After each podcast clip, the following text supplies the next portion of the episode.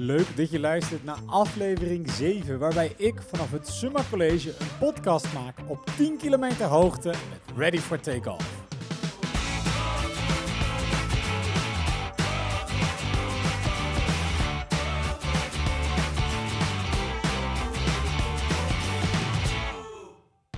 En dit keer niet zomaar een podcast, maar een echte podcast takeover. Want met de stuurknuppel in handen neem ik plaats achter de knoppen en interview ik Mark en Sonair. Zij zijn allebei leraar aan het Suma College voor de luchtvaart in Eindhoven. Sonair is ook nog parttime steward daarnaast.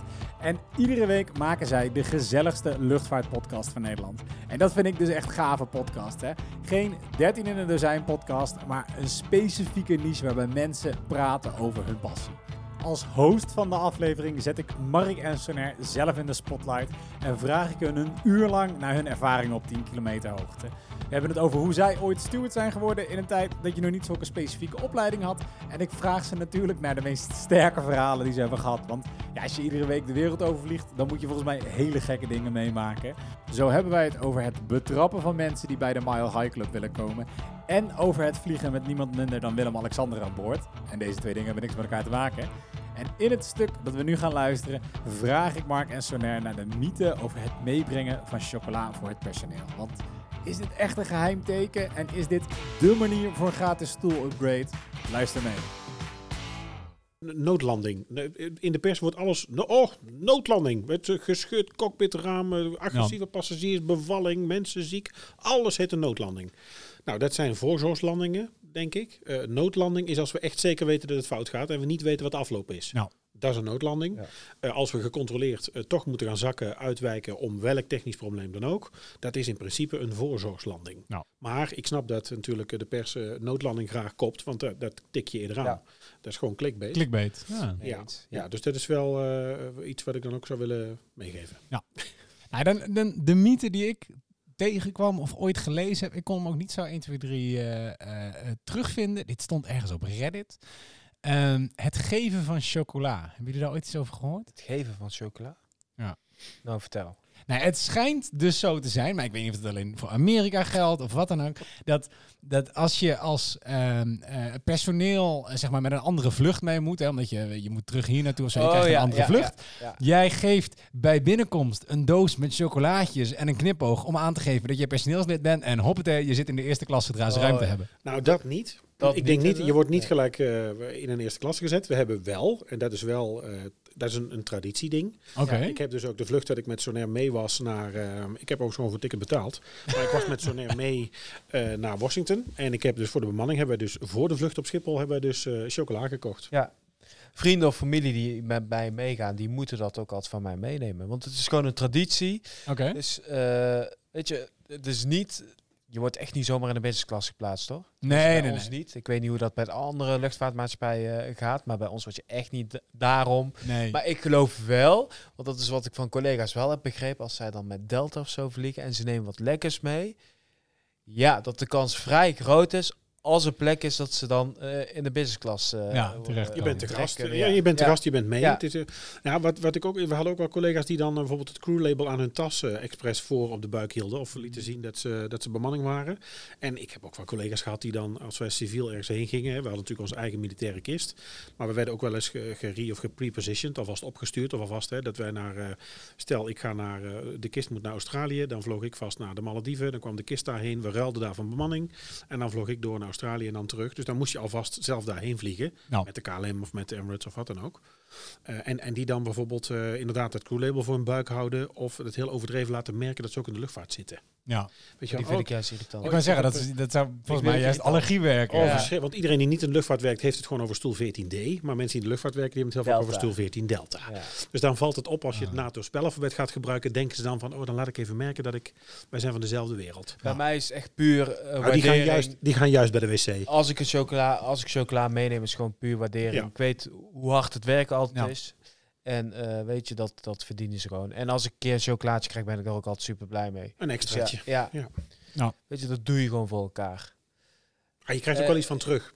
Dan toch iets, een ja. extra catering of een, een extra flesje drinken of een extra Ja. glaasje. Nou, dus de, ik wil zeggen, dit, dit wordt nu opgevangen door, door luisterend Nederland. Volgende keer dat jij vliegt heb je zo'n rij met dozen chocola En vast. we hebben straks Eh, al die passies. eh, iedereen chocola mee. Nee, van Matthijs, luister, wie goed doet, wie goed ontmoet. Ja. Ja. Ik denk als je, eh, eh, dat hoeft niet per se in de luchtvaart te zijn, als jij in een restaurant komt of eh, jij gaat eh, ergens anders heen en eh, jij brengt iets mee voor degene waar je bent, ja, dat heb je toch een ander gesprek. Ja, dat is natuurlijk altijd het is toch een opening. Nou, en ik wil niet ja. zeggen dat iets oplevert, maar het is toch leuk om dat te doen.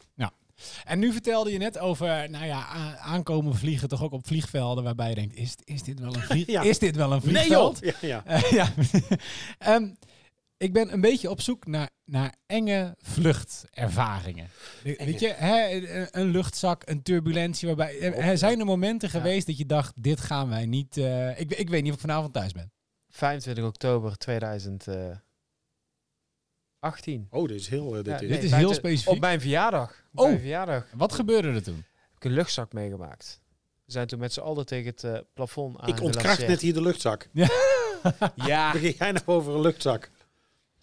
jij snapt wel wat ik bedoel. Ja, ja. Maar we zijn toen met z'n allen tegen het plafond aangelanceerd. Ja? Eh, ja, dat was wel even schrikken. Boven de oceaan. We waren onderweg naar eh, Havana. En eh, ja, het, het ging heel snel. Eh, ik hoorde passagiers schreeuwen. En eh, ik was er zelf ook wel erg van geschrokken. Maar eh, het ging zo snel. Het duurde echt maar drie à vier seconden. En daarna was het weer ineens muisstil. Van, van schreeuwen tot, tot helemaal stil. niks horen. Dus dan hoor je dus alleen de motoren draaien. Dat was wel even een akelig momentje. Maar er was gelukkig niemand gewond geraakt. Dus dat was natuurlijk het belangrijkste. Maar ja, dat was denk ik het engste moment dat ik ooit met het vliegen heb meegemaakt. Maar het was echt van korte duur. En ik kan dan wel vrij rustig blijven. Ik blijf altijd kalm. Dus eh, ja, verder niks, niks geks of zo meegemaakt. Nee. En jij, eh, Mark? Ja. Ik, nou, laten we vooropstellen dat vliegen natuurlijk heel veilig is. het is dat eh, zeker. De, de, de lift is het veiligste vervoermiddel ter wereld, daarna het vliegtuig. Eh, De kans dat je, als je zo meteen naar huis rijdt, wordt geschept door een vrachtauto is 300 keer groter dan dat er ooit met een vlucht iets gebeurt. Hè. Dat zijn ongeveer de cijfers. Maar eh, ik heb, ik denk in die zeven jaar tijd, drie, drieënhalfduizend uur in de lucht gezeten. Dus dan gebeurt er ook wel een keer iets. Ja, dat, dat, daar is bijna niet aan te ontkomen. En dan heb ik het over een, een, een geschud cockpitraam of een van de lagen die dan dus een crack heeft. Dat kan. Hè. Dat zijn, eh, ja, weet ik veel, zeven of tien lagen. En dan is er één laag gescheurd. Daar ga je niet meteen van dood. We hebben niet meteen een decompressie. We hoeven niet weg, maar je vliegt ook niet op je gemak mee verder. Dus dan ga je terug. Ik heb eh, heel veel rookontwikkeling gehad uit de oven. Meer omdat er stickers in brand stonden eh, dan, echt, dan echt eten. Maar ik kan me voorstellen dat ik meteen paniek voor... Tenminste, als ik in een vliegtuig zou zitten en er komt opeens rook ergens vandaan, dan kan Ja. het de oven zijn. Maar Nou, ik, ik was ik zit al buiten met één, met één been, zeg maar. Ja, dat kun je beter niet doen. Kun je beter zitten. Maar ik kwam terug uit de cockpit, want ik had daar net koffie gebracht en ik was daar gaan kijken hoe het daar was. En ik kom terug achter in de cabine en daar vragen de passagiers: Goh, Mark, waar ben je aan het koken in godsnaam? Want het, het rookt hier zo. Ik denk: Oh shit, dan heb ik dat. Dus hup, dan die oven uit en laat je het even dicht staan. Dan gaat over het algemeen, als het al brandt, gaat het uit. Want die oven, daar kan er weinig zuurstof bij. Dus dan, hè, als de branddriehoek, als je één zijde weghaalt, dan stopt het. Ja. Brandstof, zuurstof en brandbare stof, dan, dan stopt het wel. Eh, hitte, dan stopt het wel. Ja. Ehm, Dus dat- dat was zo uit en dan kun je dat uitleggen. Hè, dat het een sticker was op een maaltijdboxje, waar dan dus het maaltijdboxje wel geschikt is voor de oven, maar de sticker niet. Cockpitraam is gewoon een kwestie van landen. We zijn een keer door een, eh, nou echt een flinke birdstrike gehad ehm, in Afghanistan. Echt door een, een zwerm spreeuwen. Gewoon de hele cockpit was gewoon bloedrood. En Zo. voorkant van de vleugel en ook één motor zat vol. We zijn gewoon geland, niks aan de hand. De vliegeigenschappen van het toestel veranderen op dat moment eh, niet zo gek veel aan. Maar dan sta je daar en dan moet er iemand komen uit Amerika die met een boroscoop, met een, met een kijker in die, in die motor gaat om vast te stellen dat het oké is. Dat. En wel één keer een, ehm, eh, een heftige ehm, nou ja, luchtzak, turbulentie. Ik sta met een trolley klaar en met een theepot in mijn hand. Ehm, eh, onderweg naar Suriname weet ik nog. De fire status van, eh, van Suriname veranderde. Dus we moesten naar, eh, naar Curaçao toe uiteindelijk zou dat worden. En ja, daar komen wij in onweersweer terecht. Buiten zie je dus inderdaad mist. Je ziet de, vleugel, de vleugeltips eigenlijk niet meer. Alleen maar mist en nevel. Eh, ik sta klaar om broodjes uit te gaan delen. Ja, we, we- ik vlieg met trolley en al tegen het plafond. Eh, dus ik heb een zweefmoment, zeg maar. En daarna klap ik keihard weer terug en lig ik ineens plat bij de deur met eh, alle broodjes overal en mijn theepot leeg. Wauw. Dus dat is wel, dat is dan schrikken. Ja. En passagiers, ja, ik had passagiers gewaarschuwd dat het eraan zat te komen. Er zou wat turbulentie zijn, dat wisten we. Dus ik had geadviseerd, weet je, neem even niks te drinken, pak nou niks. Nou, die mevrouw die stond erop dat ze, dat ze toch rode wijn kreeg. Nou, die hing dus aan het plafond en over haar witte broek. Karma. Ja, en toen was ze, karma is a bitch, want toen was ze boos op mij. Oh, ja. Dat is ook jouw schuld natuurlijk. Jij gedaan, Dat is, ook, dat is ook heel logisch. Minder hard schudden met een Ja. vliegtuig. Eh, wat doe je dan? Jongen, Jongen. Nou, nou goed, dus dat, ehm, dat denk ik. Ja, en je had, maar je had ook een theepot in je handen. Nou, eh, bedoel je gewoon zo'n standaard theekan? Of zie ik Ja, zo'n teken. Zo'n Ja, ja, ja. zo'n teken. Zo'n, zo'n, dat was een, zo'n oude KLM theekan hadden we toen nog van die blauwe met zo'n zilver tuitje. Wauw. Ja, shit happens. En weet je, dat soort dingen tot aan, ja...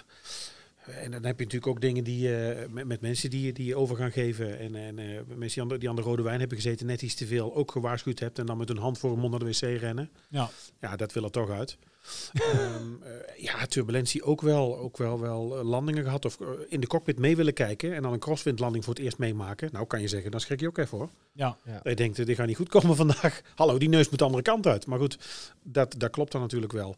De, ja, weet je, om maar te zeggen met, met drie, drieënhalfduizend uur vliegen. Ja, je kunt niet uitsluiten dat, er, dat je een keer turbulentie hebt. Of dat Nee. een keer iemand ziek is. Of dat er een keer... Ja, er kan Ja. altijd wat gebeuren. Agressie. Wat Ja, ook, ja. Ook, heb ik ook wel meegemaakt. Ja, je hebt Ja. toch een hoop mensen bij elkaar zitten. Nee, ja, nee, kan ik me maar voorstellen. Eh, nou hoor ik jou inderdaad, jij hebt, en dat weet ik ook een beetje Mark, eh, natuurlijk wel ook wat specialere vluchten gedaan. Of vluchten gedaan met toch ook speciale passagiers. Daar ben ik dadelijk eh, nog benieuwd naar. Ja, ben jij nu ook zo benieuwd naar deze speciale passagier waar Mark mee gevlogen heeft? En wil je de rest van deze aflevering luisteren? Ga dan snel naar het kanaal van Ready for Takeoff en luister aflevering 63 daar in zijn geheel voor nog meer toffe luchtvaartverhalen. En dan zie ik jou terug in aflevering 8.